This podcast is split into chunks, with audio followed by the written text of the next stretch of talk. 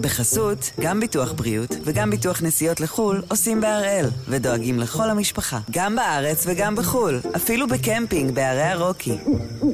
כן, גם שם, כפוף לתנאי הפוליסה וסייגיה ולהנחיות החיתום של החברה. היום יום שני, 13 בדצמבר, ואנחנו אחד ביום, מבית N12.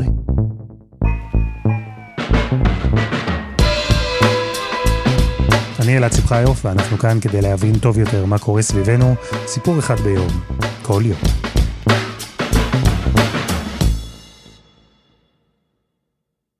זה לא דבר מובן מאליו שאנחנו שומעים כל כך הרבה על מישהו בסוף בהגדרה יועץ.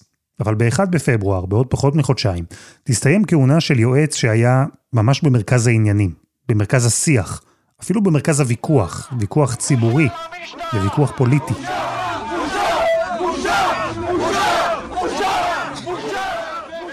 דוקטור אביחי מנדלבליט תסיים כהונה מלאת אירועים, מלאת דרמה, כהונה שבה הוא הפך ליועץ המשפטי הראשון שהעמיד לדין ראש ממשלה מכהן, ואחר כך עוד ישב לידו בשולחן בתפקיד היועץ.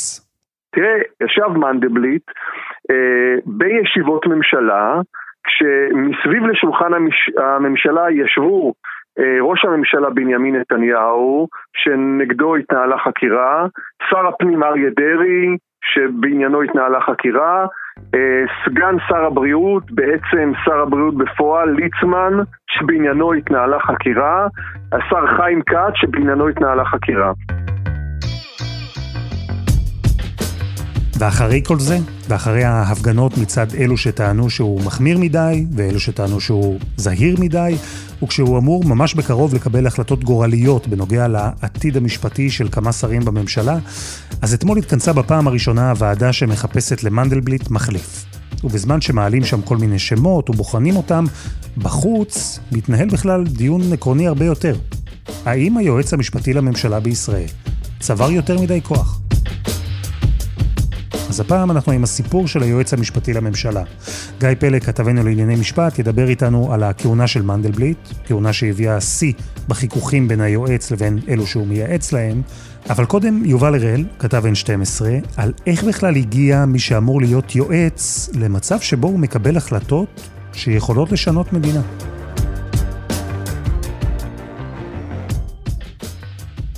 שלום יובל. שלום אלעד. מה זה יועץ משפטי לממשלה? מה התפקיד הזה כולל? על מה הוא אחראי? אז הדבר הראשון זה מי שעומד בראש מערך התביעה הכללית. היועץ המשפטי לממשלה מבחינה היררכית, הוא עומד מעל כל מי שנמצא בפרקליטות המדינה. כלומר, הוא נמצא בראש הפירמידה בכל הליך פלילי שמנהל את המדינה. זה החל מהאזרח הקטן ועד ראש הממשלה. נכון. בכולם רשמית, היועץ המשפטי הוא בעצם הבוס. ומן הסתם לא בכל תיק הוא מעורב, בטח לא בתיקים הקטנים יותר, אבל ככל שהחשיבות של המשפט גדלה, ככה אני מניח גם המעורבות שלו. נכון, וכשאנחנו מדברים למשל על דברים שהם, למשל תיקים נגד נבחרי ציבור, או נגד uh, שופטים, אנחנו ראינו רק בכהונה של היועץ המשפטי לממשלה הנוכחי חמישה תיקים נגד uh, נבחרי ציבור, הוא זה שמקבל את ההחלטות בסופו של דבר. כלומר, היועץ לא רק מתווה אסטרטגיה, יש לו גם תפקיד ביצועי של ממש, ועוד לפני שהוא ינהל את התיק נגד נבחר הציבור, הוא זה שבעצם צריך לקבל החלטה אם להעמיד אותו לדין או לא, זה עליו. נכון, בהליכים נגד אה, נבחרי ציבור זה משהו שהוא מאוד מאוד מוגדר, ואי אפשר לעשות פעולות מאוד בסיסיות בלי האישור של היועץ המשפטי לממשלה, הוא מלווה את זה עד לפרטים הקטנים. אז זו סמכות אחת של היועץ המשפטי לממשלה, כוח אדיר שהוא מחזיק בידיים, הוא מנהל את התביעה הפלילית בישראל. מה עוד? הוא גם זה ש, שמייעץ לממשלה, פשוטו כמשמעו, כלומר הוא יושב בישיבות אה, ממשלה, עכשיו למשל בנושא של הקורונה, וכשצריך לקבל החלטה האם אה, לסגור את נתב"ג לצורך הנוגמה, אז ישאלו את היועץ המשפטי לממשלה האם יש סמכות או אין סמכות, האם זה חוקי או לא חוקי. עכשיו, היועץ המשפטי לממשלה צריך להסביר, זה לא רק ייעוץ. כלומר, זה לא רק שהוא אומר לממשלה אם זה חוקי או לא חוקי, כל עוד הוא אומר, ההחלטה שלו מחייבת. היועץ המשפטי לממשלה הוא הפרשן המוסמך של החוק, ואם בית משפט לא החליט אחרת, כלומר, עד שזה לא יגיע לעתירה לבג"ץ, ובג"ץ יחליט האם זה חוקי או לא חוקי, חוות הדעת של היועץ המשפטי לממשלה היא חוות דעת uh, מחייבת. זהו, שהתואר uh, יועץ הוא מטעה כאן. נכון. כן, היועץ המשפטי יושב עם שרי הממשלה, נותן להם עצות, מה חוקי, מה לא חוקי, אבל בגדול, ברגע שהעצות שלו מחייבות, הן כבר בעצם לא ממש עצות, הן סוג של הוראות. אם הוא אומר, הדבר הזה שאתם בממשלה רוצים לעשות עכשיו הוא לא חוקי, אז הממשלה לא עושה. אם הוא אומר את זה בצורה כזאת נחרצת, הם לא יכולים לעשות את זה. אה, כן יכול להיות שהוא אומר למשל משהו שהוא יותר אה, רך, שהוא אומר, אתם יכולים לעשות את זה, אבל אני אתקשה להגן על זה בבג"ץ. אני לא, זה לא ייהרג ובל יעבור, אבל שתדעו שיכול להיות שיוגשו עתירות, ולי יהיה קשה להגן עליהם אה, מבחינה משפטית. כלומר, זה לא או שחור או לבן, זה יכול להיות גם איזשהו אפור באמצע. זהו, שאתה אומר להגן על זה בבג"ץ, ופה אנחנו כבר נכנסים לסמכות מרכזית שלישית שמחזיק היועץ המשפטי לממשלה. הדבר הנוסף זה שהוא זה שמייצג את המדינה בפני אה, בתי המשפט, גם אם זה בהליכים אה, מינהליים או אזרחיים, וגם בפני בית המשפט הגבוה אה, לצדק, כלומר בפני בג"ץ, בעתירות שמגישים נגד הממשלה. היועץ המשפטי לממשלה הוא מי שמייצג את, את האינטרס הציבורי. הוא, יש לו סמכות להתייצב לכל הליך משפטי, זה לא משנה אם זה פלילי, אזרחי, מינהלי או כל דבר אחר.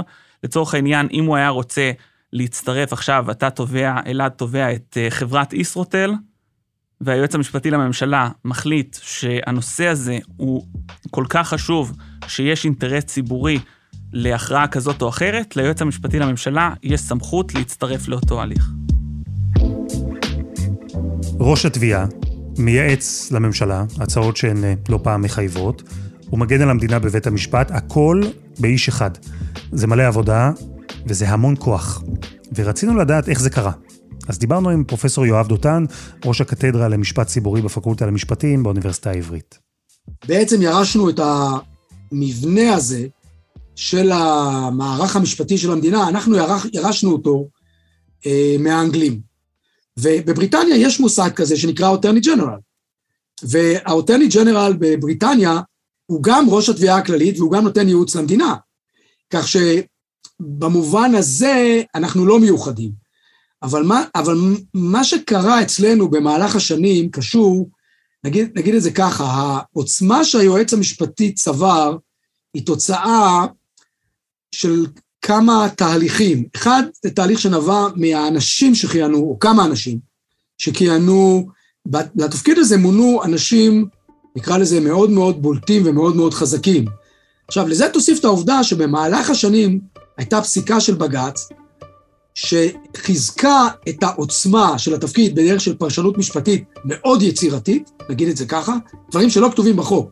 בשום מקום בחוק לא כתוב שחוות הדעת של היועץ המשפטי לממשלה מחייבת את הממשלה, ובג"ץ קבע לא, קבע שהעמדה של היועץ המשפטי מחייבת את הממשלה. במילים אחרות, כן, היועץ המשפטי לממשלה קיבל בחוק אמנם הרבה סמכויות, אבל עם השנים הוא הפך להרבה יותר חזק. וזה קרה כי אנשים דומיננטיים כיהנו בתפקיד, וכי הם ידעו להשתמש בכוח באופן יעיל, וזה גם קרה כי בג"ץ נתן ליועץ המשפטי עוד סמכויות, כאלה שלא היו לו בחוק. יובל, אפשר היה לראות את זה אה, קורה ממש, את התהליך הזה. הדוגמה המובהקת ביותר, זו דוגמה ממש מדהימה בעיניי, זה בסיפור של חשבון הדולרים. נחזיר אתכם קצת אחורה, לשנות ה-70. לישראל הייתה אז בעיה של מטבע חוץ, ולכן אסור היה לישראלים להחזיק חשבון בנק במטבע זר. אלא שהיה זוג אחד שכן החזיק חשבון בנק בחוץ לארץ, בדולרים, וזה ראש הממשלה רבין ורעייתו. האחריות אה, לחשבון, חשבונות, היא אחריות משותפת, פורמלית ומוסרית, של אשתי ושלי. הייתה מחלוקת איך מטפלים בסיפור הזה. זה היה חשבון עם לא מעט כסף, אלפי דולרים, והיו מי שחשבו שאפשר לפתור את זה בכופר. הזוג ישלם קנס והעניין ייפתר. זה מה שחשב בין היתר שר האוצר דאז, יהושע רבינוביץ'. אלא שהיועץ המשפטי לממשלה, אהרן ברק, הוא לא ממש הסכים. שאלתי אותו, ומדוע אתה תגיש, תיתן כופר?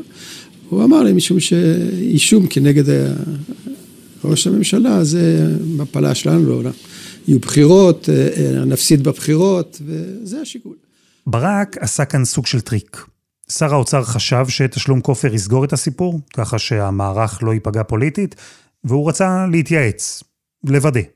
הוא הגיע לפרופסור אהרון ברק, נזכיר אותו אחד שגם מנהל את התיק בתור uh, מי שאחראי על מערך התביעה הכללית, והוא מתייעץ איתו בהיבט המשפטי הזה, ואהרון ברק אומר לו, תשמע, יש פה בעיה. אני לא אגן על הדבר הזה בבג"ץ, אה, כי אני חושב שזה לא צריך להיות. וברק אמר לשר האוצר שהמהלך הזה שהוא מתכנן לא יעמוד במבחן בג"ץ. כלומר, הוא נתן לשר ייעוץ משפטי בסמכותו. שר האוצר אמר, אחלה, ממילא אף אחד לא יכול לעתור לבג"ץ, כי אז, בשנות ה-70, רק מי שנפגע ישירות ממשהו, יכול היה לעתור נגדו לבג"ץ. אבל יש לזה סייג אחד. אני, היועץ המשפטי לממשלה, יכול להגיש עתירה לבג"ץ, כי אני יכול להתייצב בכל הליך שהוא. וזה הטריק. ברק אמר לשר שהוא בעצמו יעתור לבג"ץ. כלומר, הוא ישתמש בסמכות שלו להפוך לצד בהליך משפטי אם הוא חושב שיש אינטרס ציבורי. ככה בעצם ברק הכתיב מציאות. התיק נגד הרבינים לא נסגר, ויצחק רבין החליט בעקבות זה לא לרוץ בבחירות לראשות הממשלה.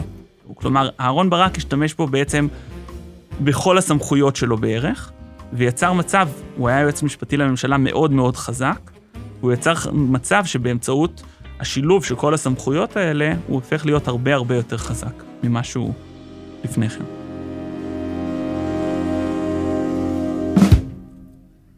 יש עוד אירוע מהעבר, עוד פרשה מוכרת כזו, שאי אפשר באמת לנהל איזושהי שיחה על יועץ משפטי לממשלה בלי להזכיר אותה, וזו פרשת בר-און חברון. אנחנו בשנת 97, במרכז הפרשה היה הליך המינוי של היועץ המשפטי לממשלה. ושם יש חשד לעסקה סיבובית כזו, שעירבה את ראש הממשלה נתניהו, את אריה דרעי, את אביגדור ליברמן וצחי הנגבי, שלכאורה תיאמו שרוני בר-און ימונה ליועץ המשפטי לממשלה, ויקל עם אריה דרעי שעמד אז למשפט. עכשיו, גם צריך ל- ל- לראות שגם בהקשר הזה, יש פה משמעות לריבוי הסמכויות של היועץ המשפטי לממשלה.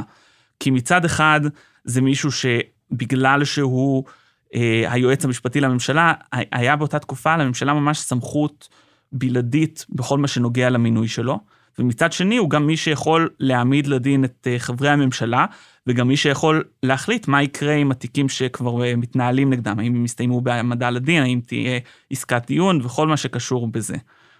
אה, בעקבות פרשת ברון חברון הוקמה ועדת שמגר, היו כמה ועדות שמגר, אבל ועדת שמגר בנושא היועץ המשפטי לממשלה, והיא הגיעה לכמה מסקנות, אחת מהן זה איך למנות את היועץ המשפטי לממשלה. פרשת ברון חברון נגמרה אומנם בלי כתבי אישום, הייתה ביקורת על כל המעורבים, אבל הם לא עמדו לדין. מה שכן קרה בעקבות הפרשה הזו, זה שינוי טוטאלי של האופן שבו ממנים יועץ משפטי לממשלה. הממשלה כבר לא יכולה לבחור ולמנות מועמד, כי בעקבות הפרשה הוקמה ועדת איתור. יש ועדת איתור שכוללת חמישה נציגים. בראש ועדת האיתור עומד אה, שופט בדימוס של בית המשפט העליון, הוא נבחר על ידי נשיאת העליון, והוא עומד בראש הוועדה. בנוסף אליו יש עוד ארבעה חברים, אחד מהם זה שר משפטים לשעבר, או יועץ משפטי לממשלה לשעבר, שנבחר על ידי הממשלה. נציג אה, נוסף נבחר על ידי אה, ועדת החוקה של הכנסת, ובנוסף יש נציגים של לשכת עורכי הדין ושל האקדמיה. ובעצם הממשלה היא זאת שבסופו של דבר בוחרת, אבל יש ועדת איתור. ועדת האיתור הזאת יכולה למנות אה, להמליץ על בן אדם אחד, ואז בעצם לממשלה אין הרבה ברירה, והיא יכולה גם להג... לה... לה... להמליץ על כמה שמות. זה יכולים להיות כמה שמות, ואז הממשלה בסופו של דבר היא כן זו שמחליטה, אבל יש איזשהו סינון ראשוני, כלומר זה לא שהממשלה יכולה למנות כל אדם שהיא רוצה. אז הגבילו את הממשלה ביכולת שלה למנות יועץ משפטי. יש פול כזה של שמות שקובעת הוועדה, והממשלה חייבת לבחור מתוכו. אבל זה ממש לא אומר שלממשלה אין השפעה. נכון? עדיין לפוליטיקאים יש אפשרות להשפיע על המינוי. בהחלט ראינו, כלומר, גם uh, היועץ המשפטי לממשלה הנוכחי, אביחי מנדלבליט הוא מישהו שהממשלה הקודמת רצתה למנות, והשרה שקד רצתה למנות, בסופו של דבר גם ראש הממשלה לשעבר נתניהו רצה למנות אותו. Uh, זה, זה לא אומר בהכרח על uh, משהו שלילי, כלומר, יכול להיות שזה גם המועמד הראוי, אבל בסופו של דבר, מי שבוחר זאת הממשלה. ולפוליטיקאים יש להם דרכים להשפיע. אז זה בכל זאת שונה מלמשל הסיפור עם עורך הדין רוני ברון, שאז עלו הרבה מאוד טענות על זה שהוא מקורב לכל מיני פוליטיקאים, ועלו כל מיני דברים כאלה. הממשלה היום לא יכולה, יש לה סמכות שהיא יותר מוגבלת. עדיין יש לה יכולת השפעה, אבל הסמכות היא הרבה הרבה יותר מוגבלת. וביועץ המשפטי לממשלה הנוכחי, אביחי מנדלבליט, פה כל החיכוכים האלה, הסמכויות והכוח מצד אחד, היחסים עם הפוליטיקאים מהצד השני, העצות, ההחלטות להעמיד לדין, הוויכוח סביב מי בסופו של דבר אמור לקבל את ההחלטות, כל זה הגיע לשיא. אבל קודם חסות אחת, וממש מיד חוזרים.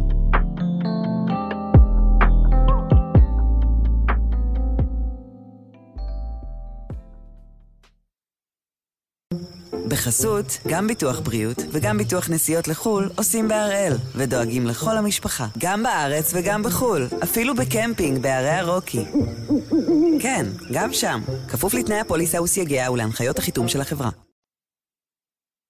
אנחנו מדברים על היועץ המשפטי לממשלה, איך התפקיד הזה צבר עם השנים כמות אדירה של כוח, ואיך לא פעם הסמכויות השונות שבו הובילו לחיכוכים בין היועץ לפוליטיקאים, ועושה רושם שהדבר הזה נכון במיוחד בכהונה של היועץ הנוכחי, אביחי מנדלבליט. כהונה שבעוד פחות מחודשיים תסתיים. גיא פלג, שלום. שלום רב.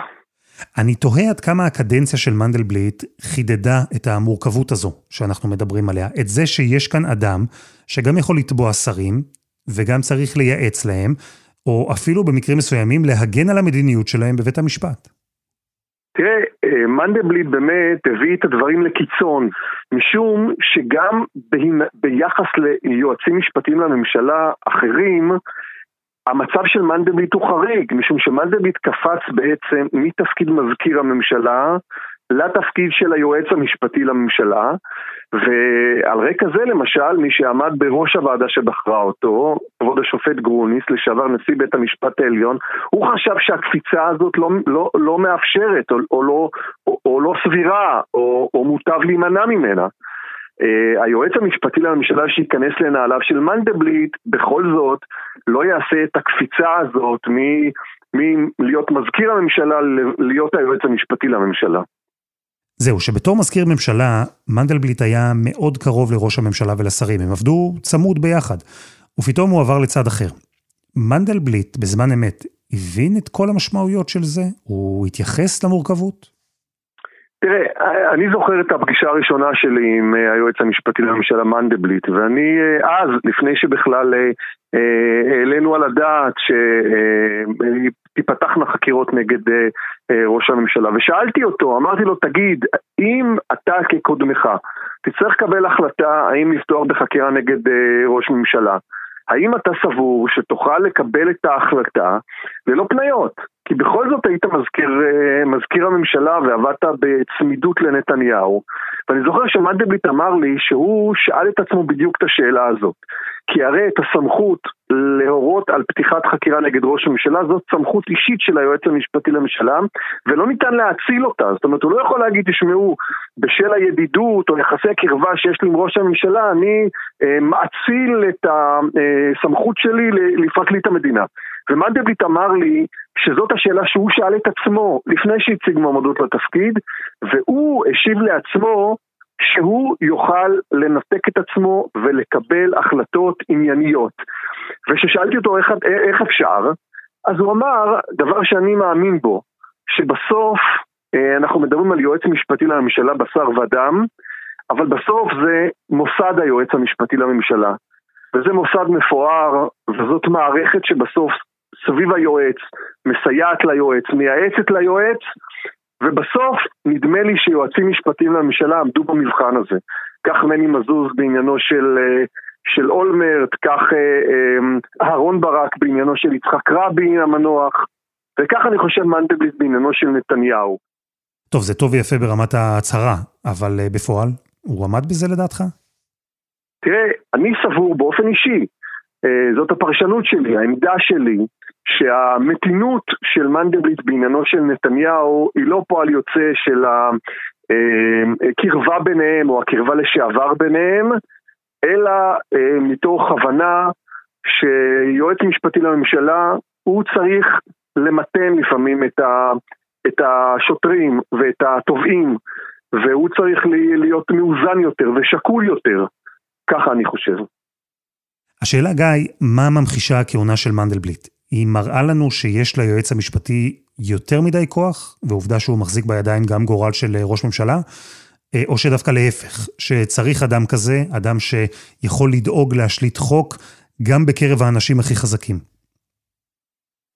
אני חושב שהיועץ המשפטי לממשלה הזה הוכיח מצד אחד שכשיש ראיות ויש ראיות חד משמעיות אז הוא לא מהסס להגיש כתב אישום ואני זוכר את הדברים שהוא אמר אה, במועד הגשת כתב האישום שמדובר ברגע אה, קשה מבחינתו אבל גם ברגע מוצדק מבחינתו ואני חושב שהוא עמד במבחן הזה בסופו של יום ולכן אני חושב שההחלטות שבסופו של יום הוא קיבל הן החלטות שהן פועל יוצא של תפיסת העולם שלו, שהיא תפיסת עולם אה, שמרנית מאוד ומאופקת מאוד ומרוסנת מאוד, ויש יועצים משפטיים אה, אחרים אה, שייתכן והיו מקבלים החלטות, נקרא לזה, הרבה יותר אגרסיביות. למשל, יש לי את הרושם שאם מני מזוז היה היועץ המשפטי לממשלה, אז uh, תיק אלף לא היה נשאר תיק של uh, uh, מרמה והפרת אמונים, אלא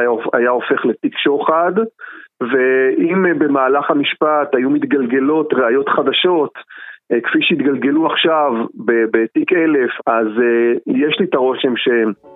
יועץ משפטי לממשלה אחר היה עוצר את המשפט וחוקר מיד את נתניהו ואולי מאבד את כתב האישום כפי שמזוז עשה בשעתו בתיקי אולמרט.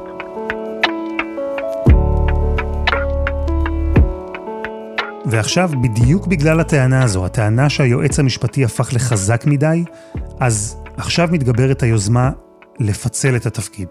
יובל, במה מדובר? טוב, אז קודם כל, אני לא חושב שפיצול, אף על פי שזאת המילה שתפסה את, ה, את המונח הזה, אני לא חושב שזה באמת, באמת המילה הנכונה. כשמדברים על פיצול, המילה הנכונה בעיניי היא האצלת סמכויות. כלומר, מדברים על להעביר את הסמכויות הפליליות, שהן תישארנה בצורה בלעדית אצל פרקליט המדינה, שבהיבט הזה הוא יהיה כפוף מבחינה מינהלית אמנם ליועץ המשפטי לממשלה, אבל מבחינה מקצועית הוא לא כפוף לו. כלומר, הוא לא צריך לשאול אותו, מחר אני רוצה לחתום על עסקת טיעון עם אה, נתניהו, או עם ביטן, או עם אה, ליצמן, או עם דרעי, הוא לא צריך לשאול את היועץ המשפטי לממשלה. יש לו עצמאות מהבחינה הזאת. אה, זאת הגרסה שאני חושב שהיא בקצה אחד. ובקצה השני, אם אנחנו הולכים לכיוון של הפיצול הכי רך, אז יש כל מיני דוגמאות, למשל, לקחת איזשהו מודל, שזה לא באמת פיצול, אבל להגדיר איזשהו תפקיד שהוא אחראי רק על uh, עניינים פליליים של נבחרי ציבור. ואז אתה בעצם פותר פה את הניגוד העניינים ספציפית לנבחרי ציבור, כי בהיבטים אחרים, הנושא של הניגוד עניינים פחות בולט. זהו, שאתה מדבר על ניגוד עניינים וזה עניין חשוב. כי התומכים בפיצול אומרים שזה שהיועץ המשפטי גם תובע נבחרי ציבור וגם מייעץ להם, זו עמדה ששמה אותו בניגוד עניינים. ראש הממשלה לשעבר נתניהו טען את זה ממש לאחרונה, הוא אמר שמנדלבליט לא אישר לו לקבל סיוע כספי מתורמים מיליארדרים לטובת ההגנה שלו במשפט, כי מנדלבליט נמצא בניגוד עניינים. הוא הרי זה שתובע את נתניהו, אז הוא רוצה שההגנה שלו תהיה יותר חלשה. אה, כן, זה מה שמי שתומכים בנושא של הפיצול מעלים, בעיקר מדברים על הסוגיות של נבחרי ציבור ועל הניגוד העניינים המוסדי שזה יוצר מבחינת היועץ המשפטי לממשלה, בעוד שמי שמתנגדים לאפשרות של פיצול, הם טוענים שהיועץ המשפטי לממשלה הוא מי שיכול לראות את הדברים מבחינת מקרו. הוא יכול לדעת, הוא יכול להבין מה קורה במשטרה, הוא יכול להבין מה קורה בהליכים בבג"ץ, חלק מההליכים הם אולי קשורים לדברים פליליים, הוא יכול להבין מה קורה בפרקליטות, הוא יכול להסתכל בראייה כוללת ממבט על, ו, ובעצם כך, רק כך הוא יכול לקבל את ההחלטות בצורה הנכונה. ויש עוד היבט שהם מעלים, מי שמתנגדים לפיצול, והוא יותר פרקטי, כלומר, עד כמה באמת אפשר לפצל את היחידות השונות, אלה דברים שהם קצת פחות ברורים לעומת uh, העניינים הפליליים, שהם איפשהו בתפר.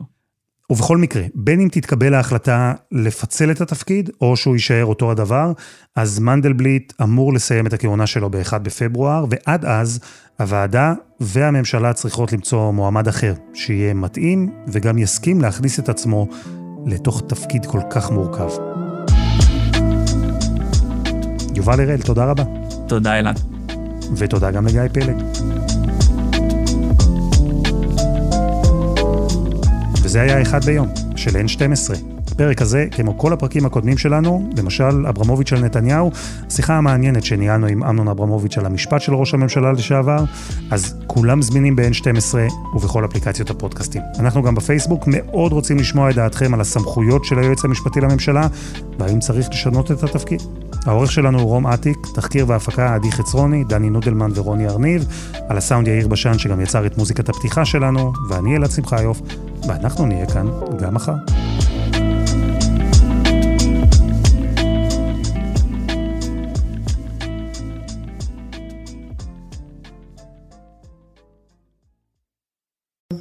בחסות, גם ביטוח בריאות וגם ביטוח נסיעות לחו"ל עושים בהראל, ודואגים לכל המשפחה, גם בארץ וגם בחו"ל, אפילו בקמפינג בערי הרוקי. כן, גם שם, כפוף לתנאי הפוליסה וסייגיה ולהנחיות החיתום של החברה.